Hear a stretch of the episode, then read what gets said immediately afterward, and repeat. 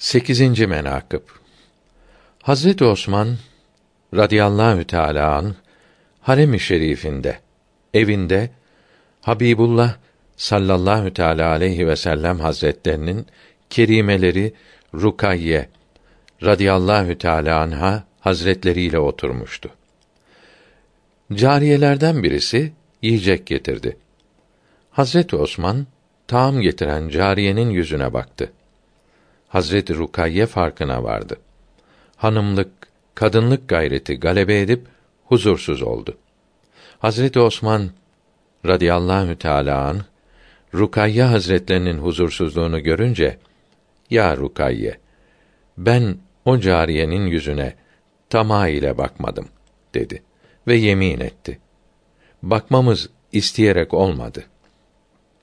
Yoksa Allahü Teala bilir ki kast ile değildir.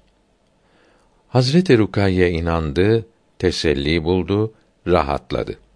Zira muhakkak ki Hazreti Osman cariyenin yüzüne tamah ile bakmamış idi.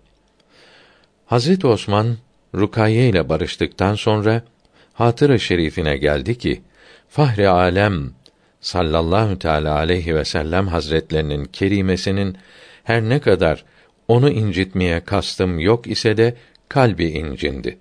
Bunun için kefaret vermem gerek.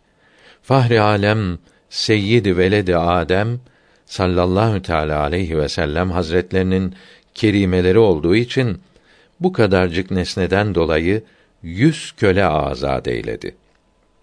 Bu mertebe Rasulullah sallallahu teala aleyhi ve sellem hazretlerini severdi o hazretin hatırı şerifini gözetip riayet ederdi. Radiyallahu Teala anh.